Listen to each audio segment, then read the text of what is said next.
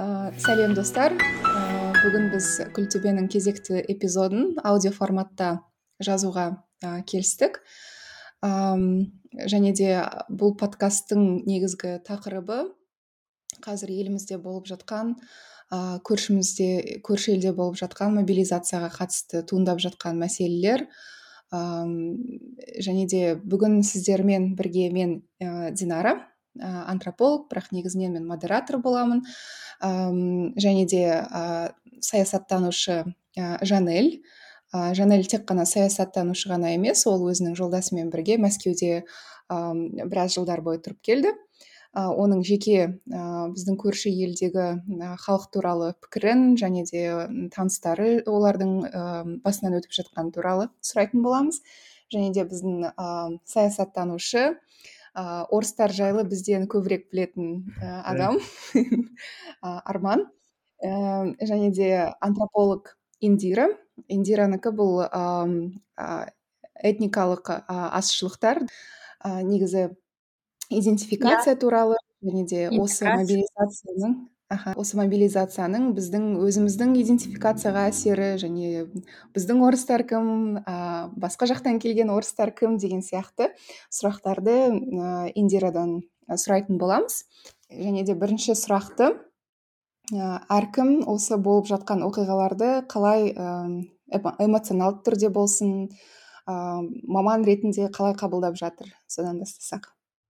Енді мобилизация туралы шешім қабылданғаннан кейін бірден ә, соғыстан қашқан ә, ресейлік азаматтар ә, шетелдерге ағыла бастады ғой. Соның ішінде қазақстанға көптеп келе бастады. Ә, қазір ресми мәлімет бойынша бізге 98 мың адам келген екен. Енді оның басым көпшілігі қайтадан кетіп қалды қазақстаннан яғни қазақстан транзиттік қана территория ретінде қарастырылған екен. Бірақ соған қарамастан бізге бір жиырма мың шақты адам қазақстанда қалды деп айтылып жатыр. Ә, енді мен жеке пікірім ә, бұл адамдарды қазір ә, бірден әлеуметтік желілерде ә, бұлар соғыстан қашқан соғысқысы келмейтін адамдар соғысты қолдамайтын адамдар ретінде бір ә, образ қалыптастыруға тырысты. Ә, және барынша көмек жасағысы келді қазақстандықтар. Бірақ менің ойымша бұлар енді жаңа соғысты қолдамағандар емес. керісінше алты ай бойы соғысты қолдап келген бірақ соғыс тікелей өздеріне тимейтіндей ойлап жүрген адамдар болды да. Ә, мобилизация айтқаннан мобилизацияны айтқаннан кейін жеке әркімнің жеке басына түскеннен кейін содан кейін ғана қашқан адамдар болып көрінді маған. Өйткені әлеуметтік желілерде ә, мен біраз ә, видео фото мәліметтерді көрдім. Көліктеріне келген адамдар з з әріптерінің іздері қалған. Немесе z және де своих не бросаем деген футболка киген адамдар қазақстанда жүр. Яғни бұлар іштей әлі де соғысты қолдап жүрген бірақ жеке өздерінің жандарын бастарын сол соғысқа тіккісі келмейтін адамдар ретінде ғана қашып келген адамдар. Сондықтан іштей бір ә, менде бір наразылық болды соларға.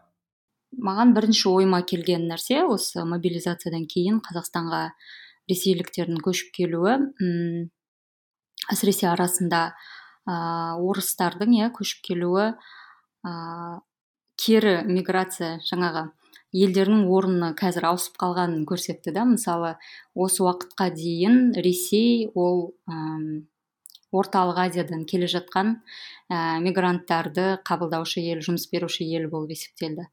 Енді қазір ә, яғни ә, қарым қатынас екеуінің ә, қарым қатынасы тұрғысынан ә, жаңа ресейліктер олар хост дейді ғой қабылдаушы ә, ал келіп жатқан орталық азиялық ә, мигранттар жаңағы қонақ ретінде. Сондай қарым қатынас болса ә, енді ә, ресейліктер өздері жаңағы қонақ болудың ә, қонақ болу қандай екенін бастан кешіріп жатыр да.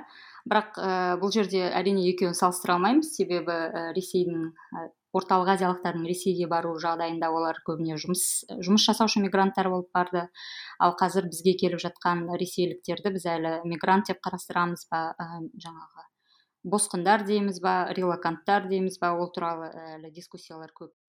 А, сосын ә, арманның айтқанына қосқым келетіні барлығы бірдей ә, ресейдің соғысын қолдап келді деген сияқты жалпы ә, обобщение барлық адамға ә, кішкене қате ә, болады деп ойлаймын. Және егер сол адамдардың барлығы ә, соғысты қолдады деп ә, қарастыратын болсақ бұл тағы да ә, қайшылықтарға алып келуі мүмкін адамдар арасында. Әркімде әртүрлі. Иә жалпы бұл ресейліктердің ә, қазақстаннан басқа қай жаққа бару мүмкіндіктері қалды негізі? Мүмкіндігі баруға мүмкіндігі бар елдердің барлығына кетіп жатыр. Иә. Көбінесе бұл орталық азия ыыы кавказ мемлекеттері гүржістан армения өйткені прибалтика елдеріне кіре алмайды қазір. Саяси тұрғыдан дұрыс екенін білмеймін. Балтық елдері мемлекеттер жапты. Ә, және де қазір норвегияда соны қарастыруы мүмкін. Өйткені евроодаққа ағылып келе жатқан ә, ресейліктер саны шынымен өте үлкен. Өте көп. Ә, бұл ә, саяси дағдарысқа алып келуі мүмкін. Ә, содан қорқып жатыр қазір европаның біраз елдері. Де қазақстанда шекараны жабу деген мәселе қарастырылып жатыр ма негізі? қарастырылып жатқан жоқ. Жалпы қарастырылмайды да деп ойлаймын. Өйткені бірыңғай евро евразиялық экономикалық одаққа мүше елдерміз ә, ресейдің алдында бірқатар ә, жауапкершілігіміз бар. Ә, екіншіден енді ресейдің билігі ресми билігі ә, шекараны жабыңдар ә, біздің жас ресей азаматтарын ә, кіргізбеңдер демегенше өздігімізше ә, шекараны жаппаймыз деп ойлаймын. Ютубтен бір жаңалықтың несін көріп қалдым да ә, сол шекарада қазақстанмен ә, мобилизация пункттерін ашып қойды деген сол жақтан ұстап алады деген мен де ютубтан көрдім ә, гүржістанмен шекарада енді мобилизациялық пункттер болады деп айтылып жатыр ә, осындайда негізі біз антропологияда өте жиі мысалы басқа ә, миграциямен айналысатын антропологтарды естіп жүретінбіз ә, босқындар дейді қашқындар дейді немесе ә, бұрынғы колония елдер колонизатор елдерлерге мысалы көшіп келеді африкалықтар европаға деген сияқты. Бірақ мына жерде біз ә, ресейліктер бұрынғы біздің отар, оторлаушы мемлекет бола тұра бізге келіп жатыр да. Бұндай кейс болған ба индира антропологияда жалпы? Ә, негізі іздеп көрдім ә, салыстыру үшін. Дәл осындай жағдай болды ма деп ә, шыны керек. Қазірге ойыма ондай дәл бір салыстыра алатындай ел келіп отырған жоқ та себебі жалпы соғыстан қашу ә, қашып басқа елге босқын болып барған жағдайлар өте көп. Мысалы европа ә, ресейден ауғанстаннан ә, жаңағы африка елдерінен келген а, украинадан иә. Келген ә, босқындарды қабылдады иә. Және оларға босқын ә, деген нені беріп ә, статусты беріп ә, қажетті көмекті ұсынып отырды. Ә, басқа миграцияларды қарасақ көбіне қазіргі замандағы үлкен миграция сол соғыстан қашу. Ол кезде өзінің елінің территориясында соғыс болып жатқан кезде содан қашып басқа елге барып тұрады. Және екіншісі ол ә, жұмыспен байланысты миграция орын алады. Ол кезінде жаңа жақсы экономикалық мүмкіндіктерді іздеп басқа елдерге кетеді. Ал ресейдің жағдайында енді ол елдің өзі соғыс ашып отыр. Және қазіргі қашу ол салыстыруға ә, келу қиын да. Сондықтан да орыстар ә, ресейдің жалпы тұрғындары басқа елдерден азырақ қолдау тауып отыр. Ешқандай ә, бағдарлама да жоқ. Себебі не үшін жасайсың? Өзіңнің елің өзіңнің ә, жаңағы президентің басқа елдерге соғыс ашып отыр. Соғыс сенің территорияңда болып отырған жоқ басқа елдің территориясында болып отыр. Ондай жағдайға қатысты ешқандай ә, көмек ә, көрсетілмейтін сияқты. Ал ә, жаңағы өзің айтып кеткендей ә, колони бұрында колонизатор болған елдің өзінің ә, колония жасаған дейді отарлаған елдеріне қайттан көшіп келуі ә, жағдайлар негізі аз. Басқа елдер менің нақты ойыма келіп отырған жоқ та. Сол жағынан қараған кезде ә, қазіргі біздегі халықтың реакциясын түсінуге болады да ә, біздегі тұрғындардың реакциясын. Неге ә, жаңағы келген кезіңде өзің көшіп келгеніңмен өзіңмен бірге жаңа империялық көзқарасыңды алып келме деген ә, реакцияны қазір байқауға болады. Келген кезде жаңағы осы жердің жергілікті ә, дәстүрін мәдениетін сыйлауың керексің ә, сен бұрынғыдай ә, жаңағы біз, бізді басқарып отырған ә, ел емессің. Кеңестік ә, кезең әлдеқашан бітті. Біз өзіміздің тәуелсіздігімізді алғанымызға 30 жылдан асып бара жатыр. Енді сен ә, жаңағы бізбен ә, теңдей дәрежедегі ә, адам ретінде сөйлесуің керек деген не дейді көңіл күйді негізі сонымен түсіндіруге болады. Яғни осы бұрындағы отарлық отарлаушы саясат адамдардың әліге дейін ойында бар. Және оны біз көбіне қазақ тілді иә ортадан қазақ тілді халықтың тарапынан байқаймыз себебі және орыс тілді болса да қазір қазақ тілінде сөйлеуге ұмтылып жатқан адамдар тарапынан иә бір отарсыздануға бір отарсыздану іс әрекеті сияқты көрінеді бізде ә, қазақстанда миграцияны негізі тарихына былай қарайтын болсам осындай бір массовый дейді ғой көпшілік болып ә, көшіп келу ә, жағдайы осы этникалық репатриация кезінде ғана болған екен да қазақстан осындай көп көпшілік ә, сырттан көшіп келушілерді қабылдауы. Ал этникалық репатриацияның жағдайында негізі ә, солидарность дейді ғой лояльность ә, орнатуға адамдарда негіз болды. Ол этникалық тұрғыдан болды иә.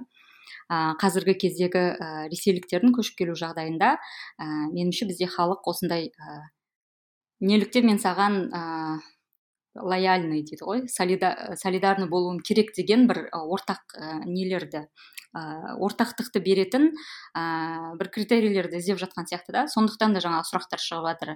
Крым кімдікі ә, жаңағы путиннің саясатына көзқарасың деген сияқты сұрақтар. Жаңағы ә, мен сені қабылдаймын ба? ә, қалай қабылдаймын? деген өзінің көзқарасын анықтап алуға бір көмектесетін сұрақтар сияқты. Егер сен қарсы жаңағы крымді ә, ресейдікі деп мойындамасаң мен саған дос бола аламын деген белгі месседж. Неге мен жан басында бұлар алты ай бойы алты жеті ай бойы соғысты қолдаған адамдар деп жатырмын бұл жерде келіп жатқан адамдардың ә, құндылықтар мәселесі деп ойлаймын да негізгі. Біз үшін маңызды жағы олар шынымен қырымды ресейдің территориясы деп әлі де қабылдауы мүмкін. Олар іштей соғыстың болып жатқанын құптауы мүмкін. Иә міне осы мәселе да мен, мен үшін маңыздысы осы. Қандай құндылықтармен келіп жатыр? Және де оларды қарсы алып жатқан қазақстандықтардың ә, қазақстан қалай сіздерге ұнап жатыр ма? Алматы қалай? Көңілден шығып жатыр ма? деген сұрақтары ә, білмеймін мен ашуыма тиеді мысалы көптеген ә, достарым бар. Олар мысалы көбісі қазақстаннан немесе өздері жергілікті сол орыстар иә мәскеуде тұратын. Мен олардан сұрадым неліктен сендер мысалы кетпейсіңдер деп. Олар айтады барлығы жақсы менің жұмысым бар ба, мені барлығы устраивать дейді ғой орысша сол солай адамдар өмір сүре берді ал қазір күрт өзгерді. Бір күннің ішінде адамдар ә, енді ресейде тұрғысы келмейтін болып шықты. Сондықтан да мен мысалы арманның айтқан сөздерімен толықтай кездесе, ә, келісемін. Сондықтан сол адамдар тек қана мобилизациядан ә, мобилизацияға қарсы болып келе жатқан адамдар. Және де олар ә, осындай мобилизация болмаса олар ә, солай өздерінің өмірлерін сүре берер еді. Мәскеуде немесе санкт петербургте солай. Не, қазір не есіме түсіп отыр ә, rational choice theory деген бар ғой. Адам рационалдылық ә, теориясы бойынша негізі м рационалды таңдау теориясы деп аталады да. Кез келген адам дейді өзінің нақты ә, өзіне ә, тікелей қатысы болмайынша кез келген адам емес жалпы көпшілік адам ә, жаңағы үлкен әрекеттерге ә, өзгерістерге аяқ баспауы мүмкін дейді. Себебі ә, адамға күнделікті үйреншікті табысы жаңағыдай ә, жұмысына барып келуі ол бір ыңғайлы да оңай. Ал ә, басқа жерге көшіп кету ол өте көп ә, белгісіздіктерді алып келеді. Ә, басқа елге көшіп кетсем менің табысым не болады? Ә, ол жерде мен қай жерде тұрамын? Ә, жаңағыдай қиыншылықтары көп қой. Оның бәрін ә, ойлаған кезінде ол бір қиын жол болып көрінеді да. Ә, ол қиын жолды таңдайтын адамдар да болады бірақ ә, көпшілік адам е жарайды өзімнің жеке басыма ешнәрсе тиіп жатқан жоқ қой деген оймен ә, өмірін бірден өзгертпейді екен. Өзгертпейді дейді. Ә, осы қазіргі көшіп келе жатқан көпшілік ә, нақты енді қазір тікелей өзіне қатысты болуын түсінді ғой. Ә, жаңағыдай соғысқа тікелей өзінің баратын ертең соғысқа барған кезінде тікелей өзі бір адамды өлтіруі мүмкін екенін түсінген кезінде ол басқаша сезілген болуы мүмкін да. Ә, бұрында соғысып жатқан солдаттар ғой деген сияқты өзінен бір ә, моральдық ә, жауапкершілікті алып тастайтын сияқты. Соны басқа оны солдаттарға аудара салады ғой. Ал енді ә, мына жағдайда ол нақты өзіне түсейін деп отыр. Егер соғысқа барып біреуге оқ атса ол моральдық жауапкершілікті ол өзім аламын деген сияқты. Мхм бірақ бұл жерде негізі ыыы өзіңнің еліңнен басқа жаққа қашу ол сенде бір ресурс болу керек қой. Мысалы ә, самолетпен ұшып жатты дейді бірақ самолеттағы билеттердің бағасы өте шарықтап кетті. Оны сатып алатын адамда да қаржы болу керек. Немесе басқа жаққа көшіп ә, ары қарай өмір сүру үшін ол жұмыс таба алу керек қой.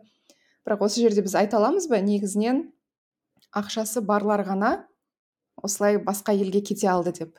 Мм қиын сұрақ негізі былай. Дәл мәлімет болмаған соң ә, жеке өзіміз қалай сезініп жатырмыз әлеуметтік желіде не көріп жатырмыз не естіп жатырмыз тек қана соған анализ жасап қана бір ой түйіп пікір айта аламыз. Ә, мен ойымша қашып келе жатқандардың барлығы бір ә, қалталы адамдар емес. Да барлығынікі бірінші шекарадан өтіп алу болды мақсаты деп ойлаймын. Ә, әрине қазір енді ресейдегі жалақы жоғарылау қазақстанға қарағанда және де ә, ресейдік рубль теңгеге қарағанда әлдеқайда құнды болып тұр. бір рубль сегіз ә, теңге болып тұр.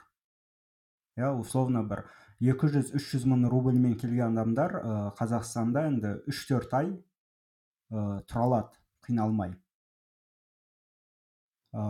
Мен ойымша примерно осындай бір жобадағы осындай суммасы бар адамдар келіп жатыр. Ә, бір жыл мүмкін ақша бір екі жыл ақша жинаған адамдар өздерінің бір қара күнге сақтап жүрген қаражаттары бар адамдар келіп ә, бір үш төрт ай уақыт ә, қазақстанда бір қиналмай өмір сүретіндей қаражатымен келіп жатыр.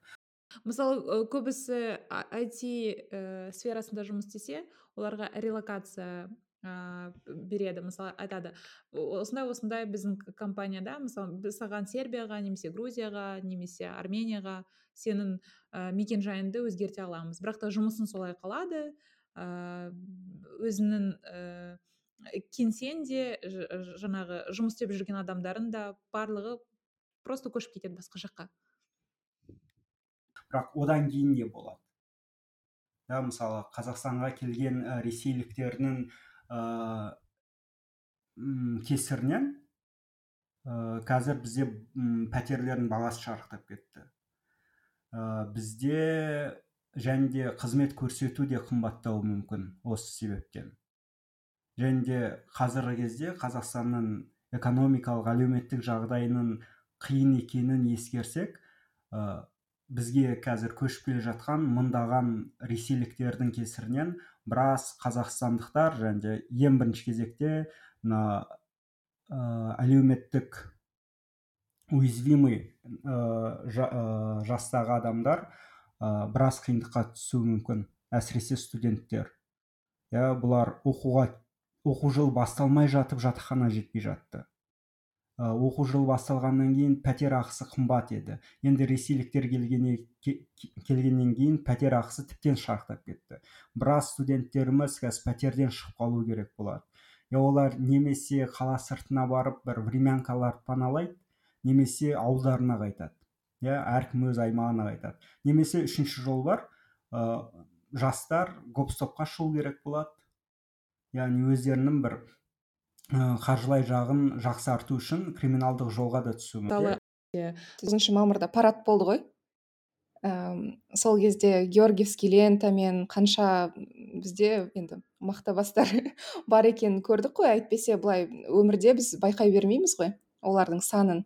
Сол сияқты қазір қаншалықты сол ым ресейліктерді империалистерді қолдайтынның бір тағы да бір қоғамда қанша үлесі қанша екенін де бір көрсететін кезең сияқты. Солай келісесіңдер ма?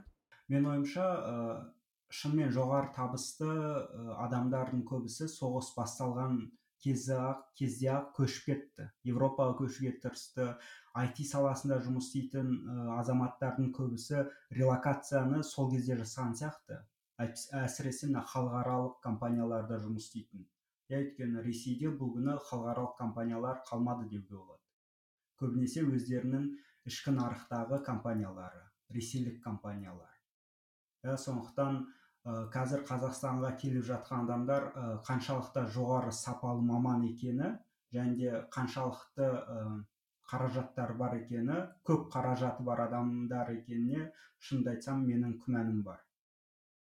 Ал енді жаңағы сіздің империалистік көзқарастағы немесе мақтабастардың қанша екенін ә, бұны енді алдағы уақыттағы көре жатсақ қазір айту қиындау болады.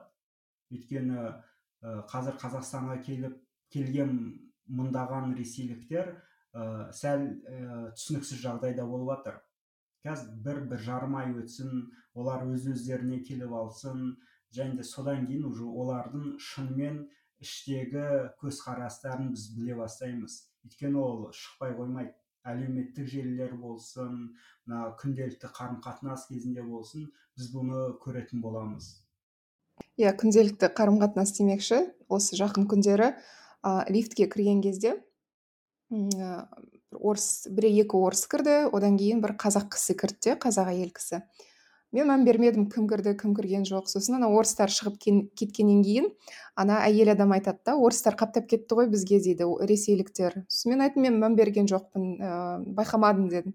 Сөйтсем ана кісі айтады да енді осындай уақытты пайдаланып біз де оларға тиісіп қалайық та дейді.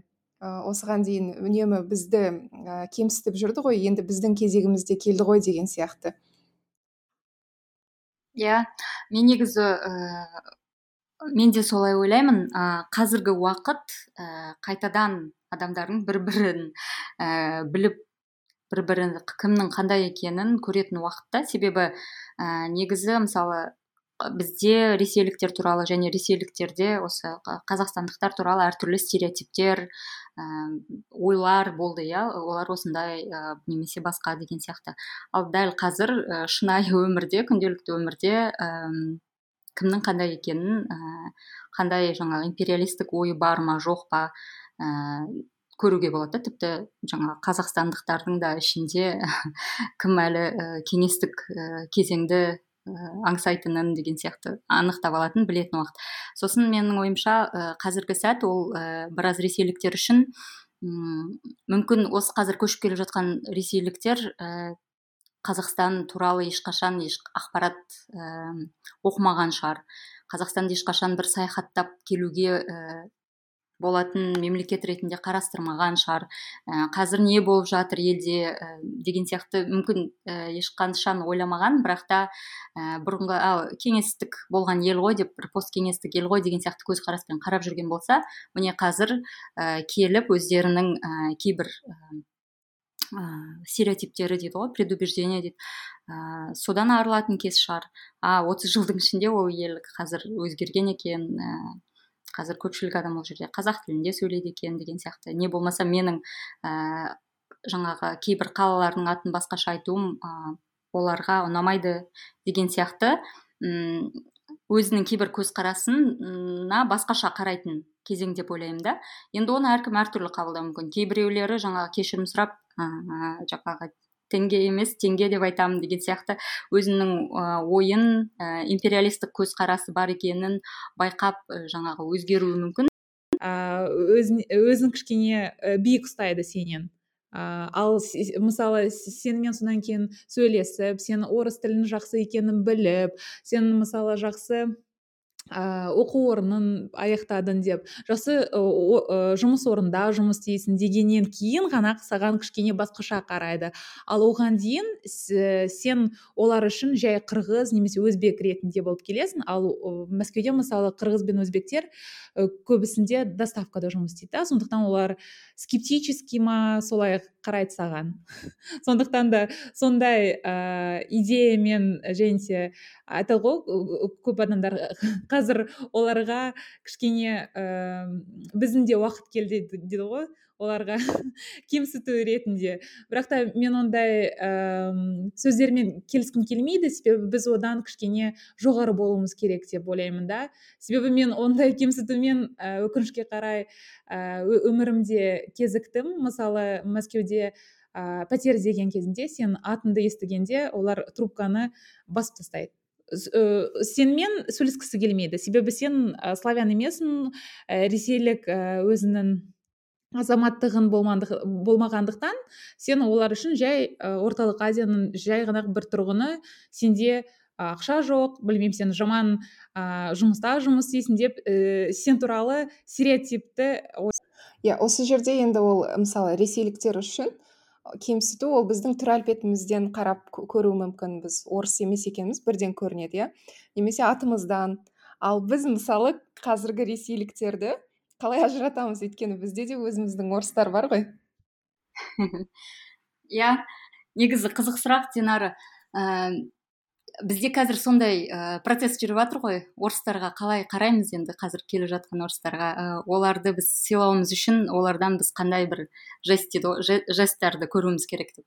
Ә, оның бірі ә, мысалы қазақ тілінде иә сөйлесе жаңағы тіпті сөйлеп кетпесе де толықтай ә, бір екі сөздерін қазақшалап айтса жаңағы жергілікті ә, мәдениетті сыйласа соны сыйлағанын көрсететін бір екі іс әрекетін жасаса соның өзі не бол соның өзі бір белгі сияқты. Символдық тұрғыдан сондай бір символикалық тұрғыдан белгі болып тұр да. Ә, не болмаса жаңағы неде кіреді? Жаңағы крым кімдікі деген сияқты сұраққа жауабы да ә, соған кіреді да. Қалай ол орысқа қалай қарым қатынас жасаймын? Қазір енді өзіміздің орыстар деген категория пайда болып жатыр. Ә, оның барлығы негізі идентификация процестері өмір үнемі өзгеріп отырады. Жаңағы жанель айтқан контекст өзгеріп отыр. Бұрында орталық азиялықтар өздерін мигрант сезінсе енді ресейліктер өздерін мигрант сезініп отыр. Ал мигрант болу басқа елде ол ә, негізі көп қиыншылықтарды туындатады да. Сен жергіліктіге қарағанда процестерден ұзағырақ өтесің кейбір процестерден. М бұл жерде ә, енді біз қалай қабылдауымыз керек ә, дегенге қатысты жаңағы жанель айтпақшы бір э, немен емес жаңа предубеждение дейді ғой. Сондаймен әрекет жасап емес ә, саған қалай сөйлеп жатыр?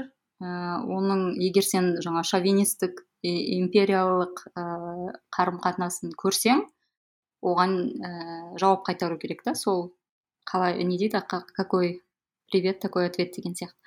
Ал егер ә, ол адам ашық болса миы ашық болса кішкене дұрыстап түсінуге тырысса неге оған мына нәрсе дұрыс емес ә, деген сияқты түсіндірмеске. Ә, бірақ менің өзімде де негізі қазір енді күнделікті өмірімізде көріп жатырмыз орыстарды. Сондай ә, бір ситуация болды. Кофейня бар мен баратын үнемі барам. Осыдан бір ай бұрын ол кофейняларда көп орыстар көрмейтінмін. Қазір енді жаңа кофейняда отырсам жалғыз мен ғана қазақ болып отырған сияқтымын қалғандардың барлығы. Ә, сол келген орыстар. Соның бір екеуі ә, әңгімелесіп отырып біздің каспи банк сол приложениені талқылап отырды ә, айтады а, бұл жерде барлығы каспиді қолданады екен каспи деген приложение былай так себе дейді. Ана жерде отырып мен өзім оның бағасын так себе деген бағасына ә, ішімнен ұнатпай отырмын да. Неге ол олай айтады деп? Себебі сонда ә, бұл жерде жаңа келіп жатқан ресейліктердің осындай ә, баға беруі иә қазақстанға осы жердегі өмірге кейбір системаға бір заңдарға баға беруі егер теріс болған жағдайда ол бірден ә, жергілікті халық тарапынан ә, не оятады ашуын тудырады. Себебі олардың ә, моральдық құқығы ә, жергілікті орыстар ә, білмеймін ұқсап кеткен сияқты қазақтарға. Киім кию үлгісі жалпы жаңағыдай иә жекені прическаларының бет әлпеті жергілікті орыстар кішкене басқаша сияқты болып көрінеді маған. Және де жаңа сіздің сұрағыңыз бойынша ыыы қалай қарау керек деген. Мен ойымша бұл жерде билік сәл кішкене просчет жасап қойған сияқты. Өйткені ресейліктер енді қазақстанға келе бастаған кезде мобилизация туралы хабар тарап ресейліктер келе бастаған кезде жергілікті орыстардың өздері өздерін қазақ ретінде есептеп келіп жатқан ресейлік орыстармен арасында бір шекара өткізгісі келді. Өйткені агрессор елдің азаматы болу уже ну соншалықты зашквар екенін уже барлығы мойындап жатыр. Және де барлығы айтып жатыр соны. Және бұл жерде бізде ә, егер қазақ жергілікті қазақтар жергілікті орыстардан біраз күмәнданған болса кезінде әсіресе мына қырым оқиғасынан кейін аннексиядан кейін егер ресей қазақстанға шабуыл жасаса кім ресей жаққа кім өтіп кетер еді деген сияқты біраз сауалдар болды. Мына мобилизациядан кейін біз ә, жергілікті қазақтар да орыстар да яғни қазақстан азаматтары бір ортақ бір құндылықтардың бар екенін көрдік. Иә бұл бейбітшілік те ынтымақтастық та бір ә, арамыздағы барьерлер жоғалып бір ұлт ретінде бір халық ретінде қарай бастадық. Мобилизациямен келіп жатқандарға да ә, сол ресейліктерге де ресейдің саясатына да белгілі бір көзқараспен қарай бастадық. Иә өте ұқсас болды. Осыны пайдаланып билік ортақ құндылықтарды одан сайын ә, нығайту керек еді ал біздің билік өкінішке орай бұған қадам баспай керісінше келіп жатқан адамдардың барлық жағдайын жасау, жасағысы келді да.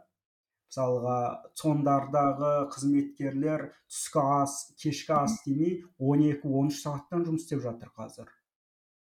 Иә ал жергілікті халық цонға барып кезекте тұр. Бұл мен ойымша бұл осындай проблемалар жергілікті халықтың билікке деген ә, наразылығын тудырады. Және де ә, келіп жатқан ә, адамдарға жағдай жасаған кезде жергілікті халықта сұрақ туындауы мүмкін. Бұл кімнің билігі және де олар не үшін осындай қадамға барып жатыр? Мен ойымша осы жерде біраз ә, әлдеқайда үлкенірек пайда табуға болатын еді. Жалпы ұлтты үйістіру мәселесінде мына азаматтық ұлт қалыптастыру этникалық тұрғыда емес ал жаңа біздің паспорт бойынша бір ұлт қалыптастыру үлкен мүмкіндік болды деп ойлаймын осы жолы. Иә арман осы жерде қосып кетейін дегенім. Ә, кеше дүкенде тұрдым кезекте кассада. Ә, алдында бір екі үш орыс тұрды алдында бір орыс әйел тұрды.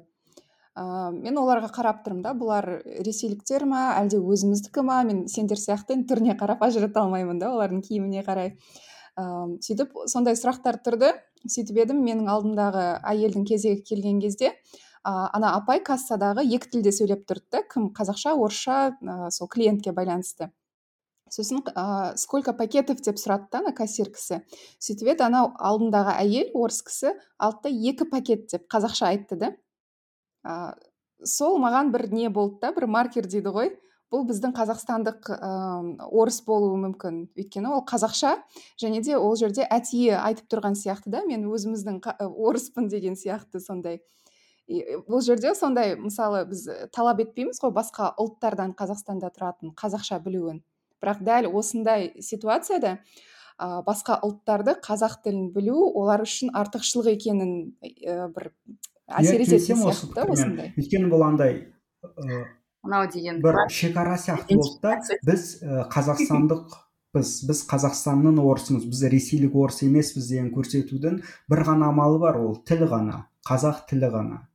Сосын білмеймін көп орыс біздегі көп орыстар қазақ тілін енді сөйлеу екі былай қажеттілік болмады оны көрсетуге. Қазір керісінше сондай бір қажеттілік бар секілді.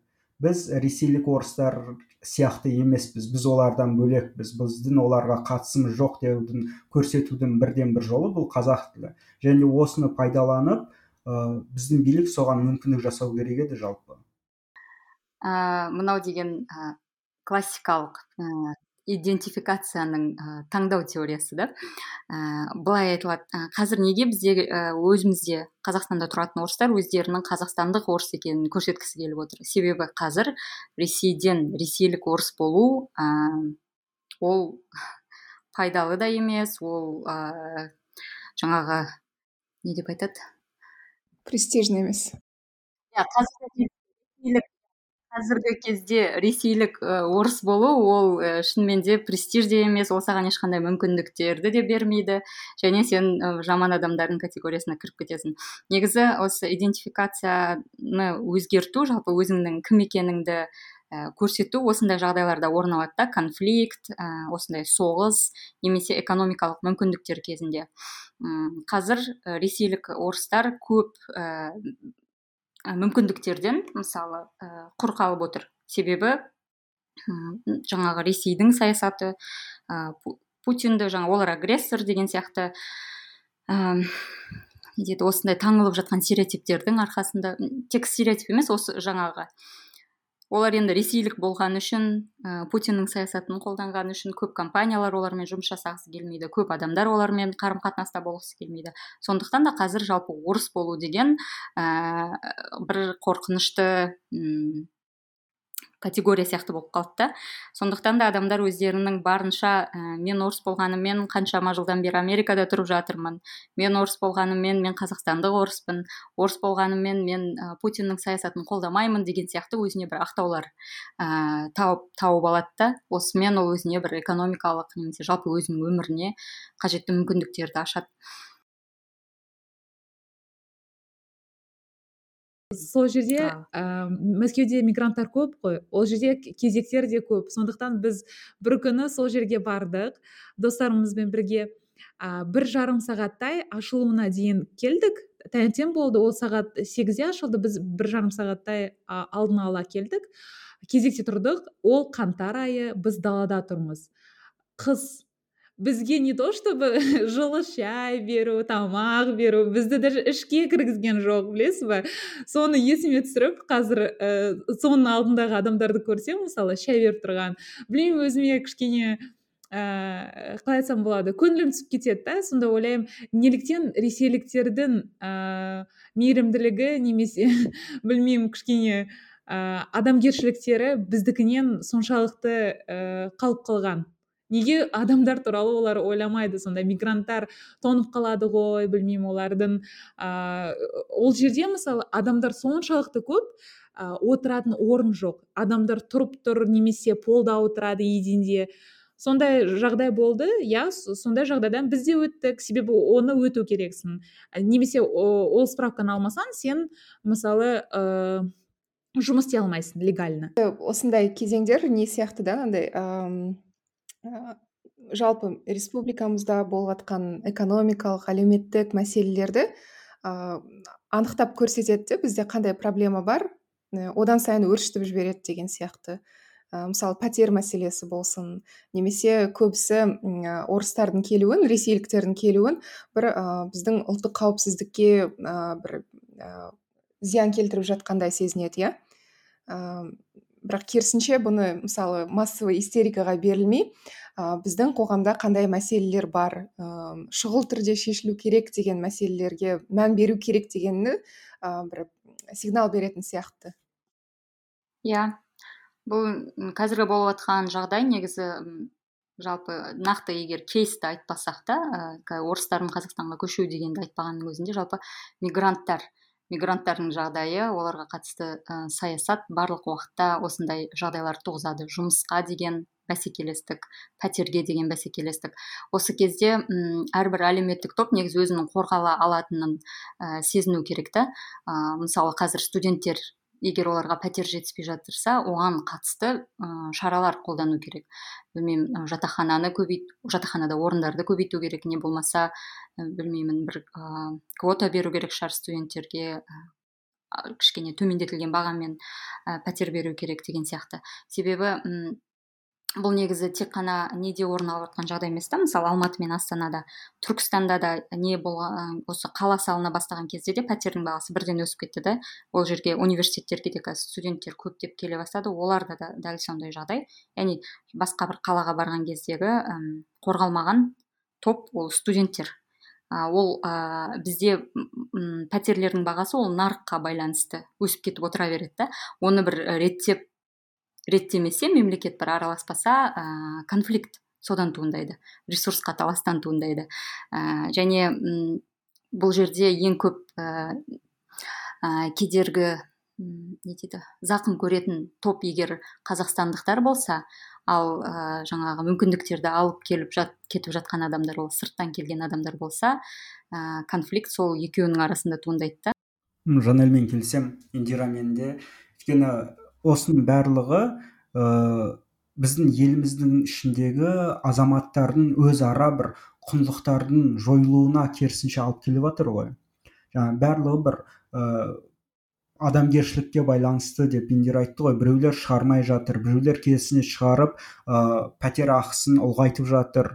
Бұл халықтың ішінде өзара да бір сенімсіздік туғызатын нәрсе сияқты. Иә сырттан біреу келсе ә, іштегі халық басқаша айнып кетуі мүмкін. Там әлеуметтік қорғалмаған топтар зардап шегіп қалуы мүмкін. Осының бәріне мемлекет кем дегенде енді үндеу жасау керек еді. Реттеуі қиын болады әрине нарықтық экономика әркім өзінің жеке меншігін қалай пайдаланам қандай бағаға тапсырам кімге тапсырам деген әркімнің өз еркі. Бірақ бұл артында бір идеологиялық жұмыстың болмауы. Керісінше осындай қиын кезде біз бір ұлтпыз деп ұйыстырудың орнына ә, белгілі бір идеологемаларды пайдаланудың орнына ә, билік келіп жатқан адамдарға барлық жағдай жасап береміз. Ә, ешқандай қиындық болмайды деген месседждерді ә, таратып жатыр және соны естіген халық әрине қиналып жатыр әрине ол халық наразы болады.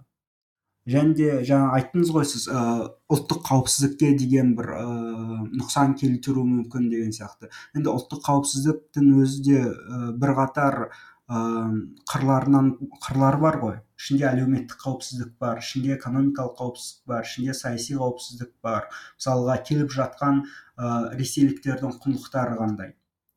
Олар осы жердегі біраз мақтабастарға тіреу бола ма болмай ма? солардың санын арттыра ма деген сияқты бір ә, не бар қорқыныш бар.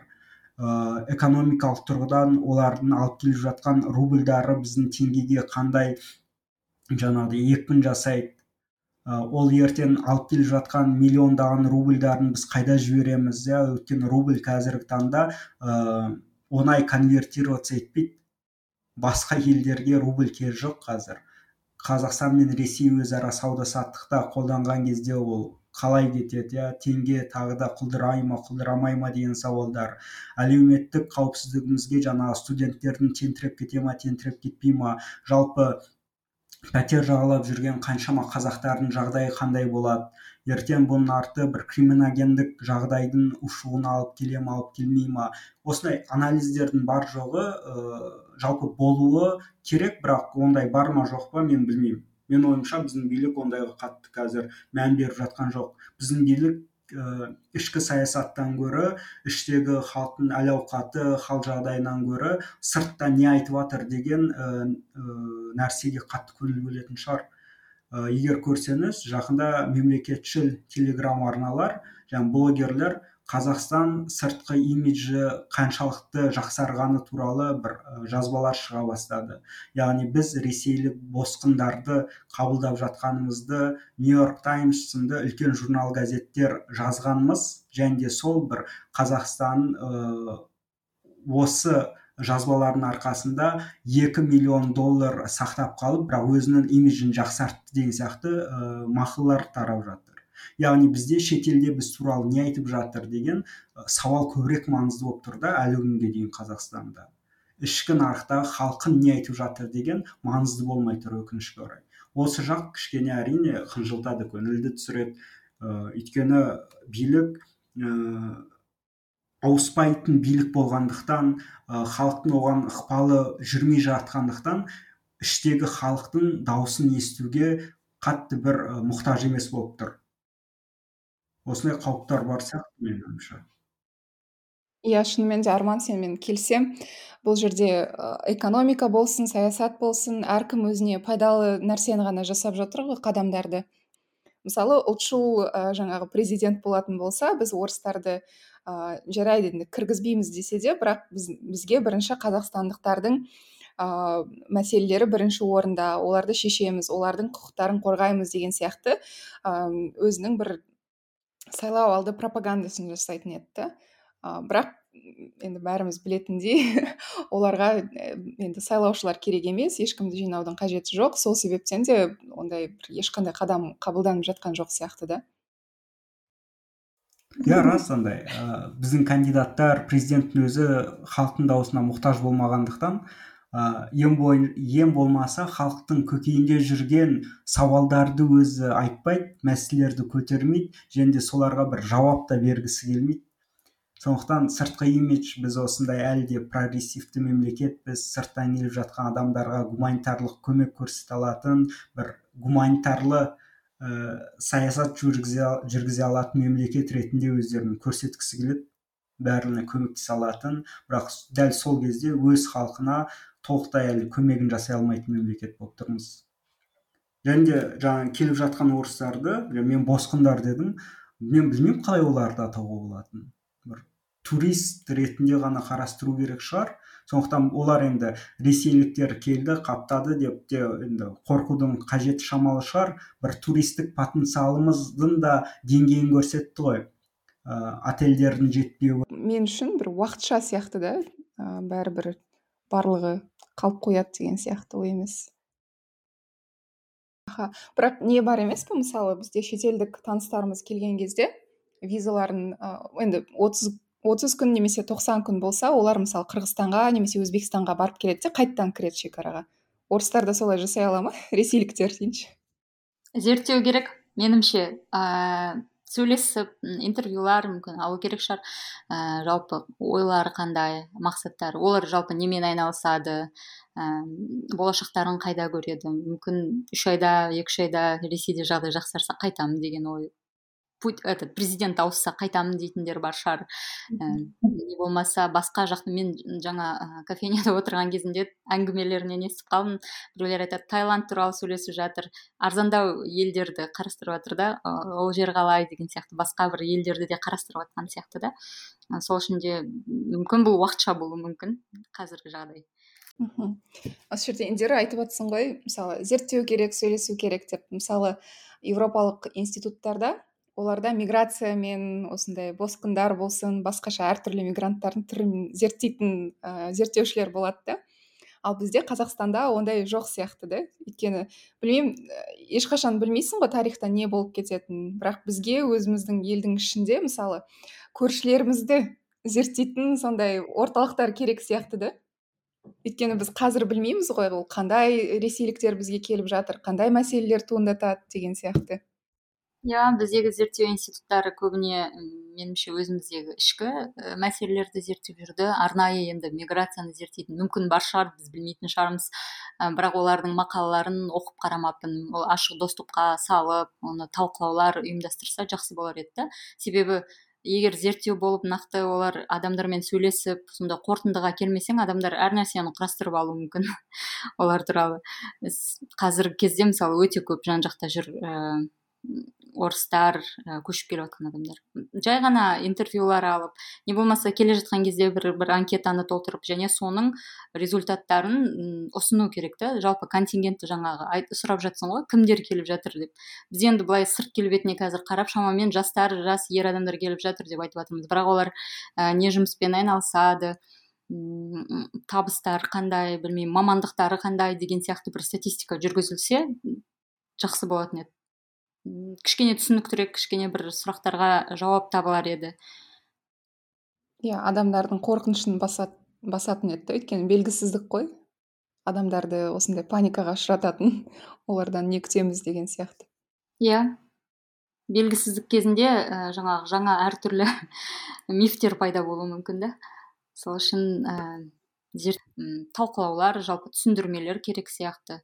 Адамдар оларды қалай атайды және қалай атағанына байланысты оның қарым қатынасы өзгере ма беженец десе көбірек көмек көрсетіп егер релакант десе көмектеспейміз деген сияқты. Себебі бұның барлығы бір категориялар олар бір стереотиптерді туғыздырады релакант деген ол орнын ауыстырған адам ба?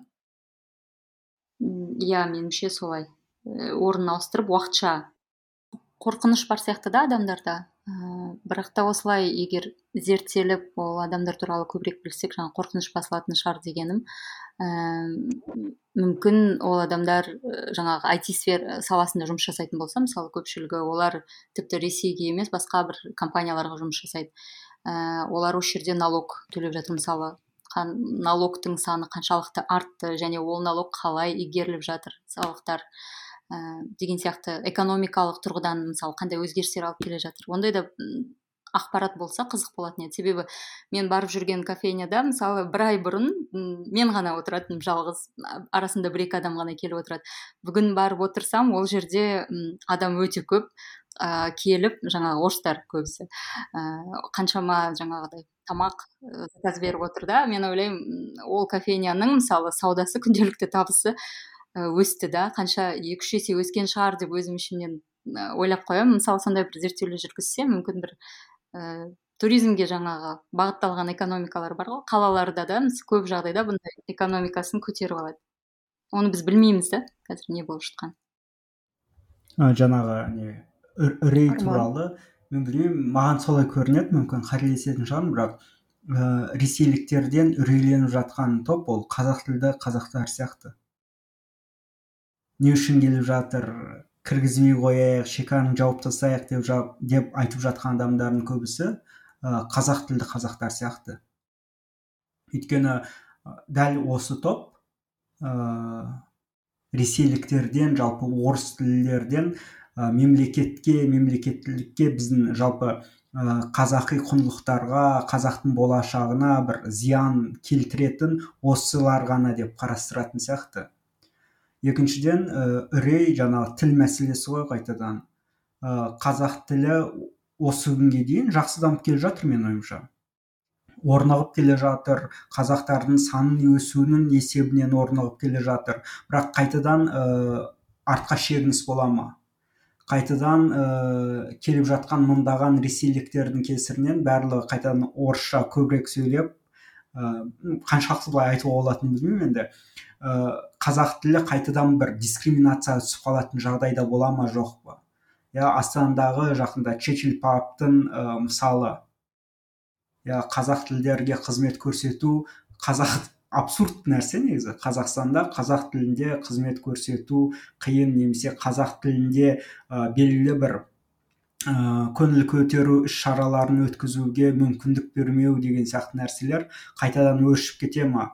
Өйткені ресейліктердің есебінен орыс тілді аудитория қайтадан көбейеді. Иә сол аудиторияға жұмыс істеу сол аудиторияға қызмет жасау арқылы қазақ тілі қайтадан шектеліп қала ма ә, тысқары былай шеттетіліп жүре ма деген сияқты бір үрей бар бір қорқыныш бар. Және де сол өкінішке орай сол қорқыныш үрейлердің барлығына мүмкіндікті мемлекет жасап жатыр қайта қайта. Сіз келесіз мысалға жаңа жанель айтты ғой ресейге барғанда мысалы қазақстаннан ресейге барып қазақ тілінде ешқандай қызмет ала алмайсыз ғой. Менің ойымша және де сізге ешкім ол жерде тілмашты аудармашыны әкеп бермейді. Иә қазақстанда ең болмаса ә, сонда андай ә, көрініс үшін ғана сондай жасап көруге болуға болатын еді. Аудармашылар арқылы сөйлесіп кішкене сендер басқа елдесіңдер деген бір ә, атмосфераны туындату керек сияқты еді деп ойлаймын мен өзім. Егер сіз ұзақ уақытқа қалатын болсаңыз ешқандай проблема жоқ иә қалыңдар ә, бір ә, қазақтарда да бір қатты бір аса бір шовинистік көзқарас жоқ қой мыналар қалмау керек кетіп қалсын деп баршасында бірақ ә, қалған кезде қазақстанда белгілі бір талаптар бар. Және де ол талаптың бірі ол сіздің тіл білуіңіз тілді үйренуіңіз осыдан бастау керек сияқты болып маған өзім сол ойлаймын. Мм меніңше бизнес ол бәрібір ә, клиенттерге негізделеді да. Мысалы европаға саяхаттап барсаң ағылшын тілінде мысалы германия бұл үлкен қалаларда иә немесе басқа елдерде ағылшынша саған сөйлеп ол өздерінің ана тілі болмаса да бейімделіп себебі сен клиентсің иә немесе түркияға барсаң стамбулға саған орысша сөйлеп өздеріне шақырып тұрады. Себебі оларға бастысы сен тауарды сатып алсаң болды деген сияқты. Ә, бұл жерде енді жаңа мемлекеттік қызметті ала алмау деген сияқты басқа сфераларына да қарай м болу керек сияқты да. Не болмаса ә, орысша да сен қызметті алуың мүмкін бірақ қазақша алудан шектелмеуің керек деген. Иә осы жағынан қарау керек шығар. Ал былайынша ә, мен ойлаймын жалпы мына бизнес, бизнестің кафе ресторандардың жаңағыдай орыс тілінде қызмет көрсетуі ол ол тікелей бизнестің мәселесі сияқты. Ә, менің ойымша бұл керісінше түрткі болуы мүмкін да украинадағы соғыстың да қазақстанда мысалы қазақ тілін үйренгісі келетін клубтардың көбеюінде бір түрткі болды ғой. Сол сияқты басқа ресейліктердің келуі тіпті ә, қазақша білмейтін қазақтардың ә, тілді үйренуге деген бір түрткі болатын болады ғой деген бір үміт бар да менде. Иә ол түрткі болуы мүмкін. Уақыт көрсетеді бірақ та білмеймін адамдардың біздің жергілікті орыстардың да қазақшаға көшуі мен үшін өте қуанышты жайт.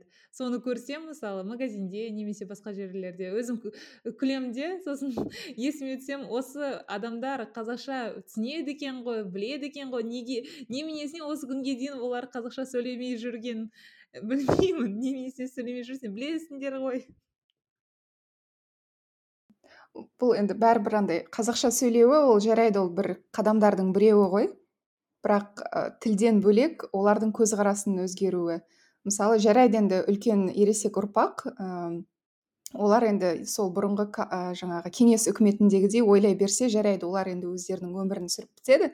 Бірақ жаңадан өсіп келе жатқан ұрпақ сол кеңестік идеологиядан алшақ болса деген сондай не бар да менде. Мысалы империалистік көзқарасы болмаса тіпті сол орыс болсын немесе сол кеңестік кезеңді аңсайтын адамдар азырақ болса екен мүлде жоқ болса екен деймін да мысалы қазақстанда өмір сүре? Меніңше ол ә, ұрпақ өзгерумен өзгеретін сияқты. Мен ә, жаңалықтарды қарап отырмын да жаңағы кеше путиннің мәлімдемесінен кейін жаңағы украинаның кейбір ә, облыстарын аннексия жасап алды ғой соны референдумда дауыс берді деген адамдарды көрсетсе көбіне жастар үлкен кісілер. Сонымен айтамын ә, олар жастардан сұрамай ма? Путин мысалы жастардың пікірін білгісі келмей ма? Жасы жиырмада жиырма бестегі адамдардың. Олар үшін кеңестік үкімет ә, деген ой ол қандай болады? Ол, оларда ондай опыт болған жоқ қой. Ә, сондықтан да жаңағы кеңес үкіметі ол мына сөзді айтып қалды да кеңес үкіметі тараған кезінде қаншама адамдар ә, таң сонда күткен жоқ оны со, күтпеген жағдай болды да ә, сондықтан да адамдар ә, қалаған жоқ кеңес үкіметінен шығуды деп айтады.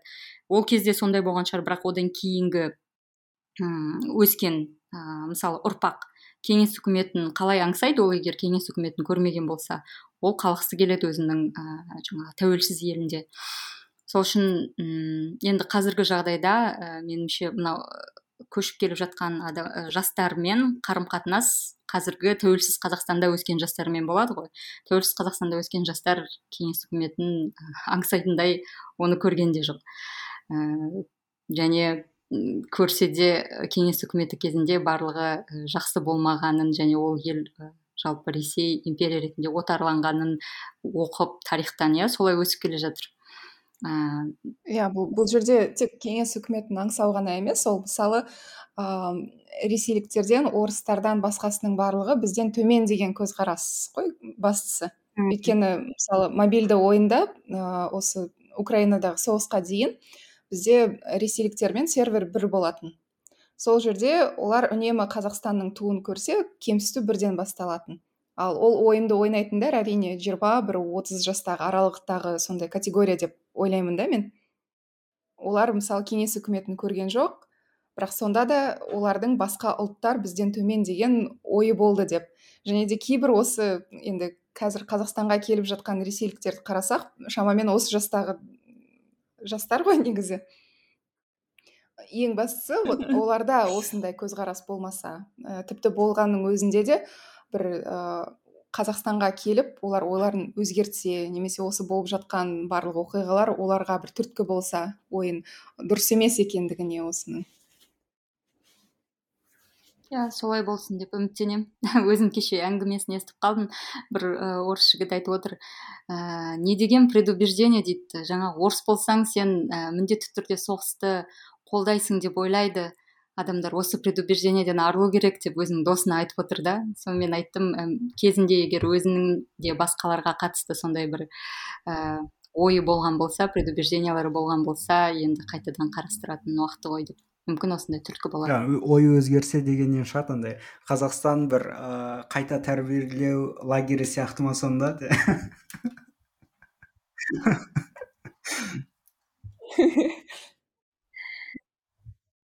қазақстан болмаса да басқа жерге барса да мүмкін. Енді үміт қой. Адам барлық уақытта жақсы нәрсеге сенгіміз келеді. Иә барлық адам үнемі ә, ойын өзгертіп тұрады деген не ғой? Өйткені барлығын жаман деп ә, ойлары дұрыс емес деп өмір бойы қатып қалған деп ойласаң енді көбірек сондай пессимистік көзқарас басып кетеді ғой. Уайымдап жатқан қазақстандықтарға уайымдамаңдар. не айтар, айтар едіңдер? Осы. Иә мүмкін ә, қазіргі адамдарда бар үрей ә, алдамшы шығар барлығы жақсы болатын шығар. Енді оны уақыт көрсетеді. Мен қосқым келгені қазақстандықтарға басты ә, осы осы жағдайдан кейінгі айтарым әлеуметтік желілердегі бар ақпараттарға жүз пайызды сене бермеңіздер. Себебі ол жерде ә, бізге орыстар миллиондап келіп жатыр деп жатыр ғой. Сондықтан адамдарда осындай үрей пайда болады. Адамдар кішкене білмеймін қалай айтсам болады. Ә, ақпаратты қазіргі кезде өкінішке орай осы динара айтқандай бізде ешқандай ә, статистикалық та ақпарат жоқ. Сондықтан да адамдар осындай үрейге сенетін шығар. Бірақ та кішкене адамдарға айтарым демдеріңді алып алыңдар барлығы жақсы болады. Орыстарды ә, бастысы біз олардың тілдерін білеміз олар не туралы айтып жатыр ма? Соның барлығын түсініп аламыз. Сондықтан да қазақстанда барлығы жақсы болу керек. Иә одан кейін ойлаймын да мысалы ә, біздің елде соғыс болып жатқан жоқ ә, біз қашып жатқан жоқпыз басқа елге. Оның өзінде ә, білмеймін енді қазақтардың жақсы көретін шүкіршілік деу керек сияқты да. Енді асып тасып байып жатқан жоқ болсақ та бізде енді табиғи катаклизм болып жатқан жоқ әзірге соғыс болып жатқан жоқ. Енді жақсы күндерді өмір сүріп қалыңдар деуші едім.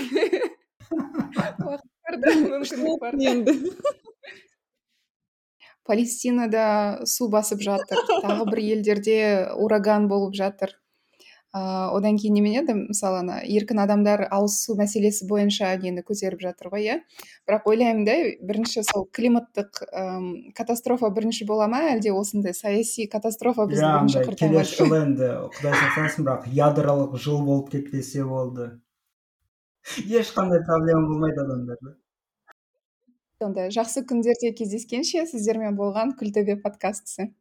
Бізге жазылып достарыңызбен таратуды ұмытпаңыз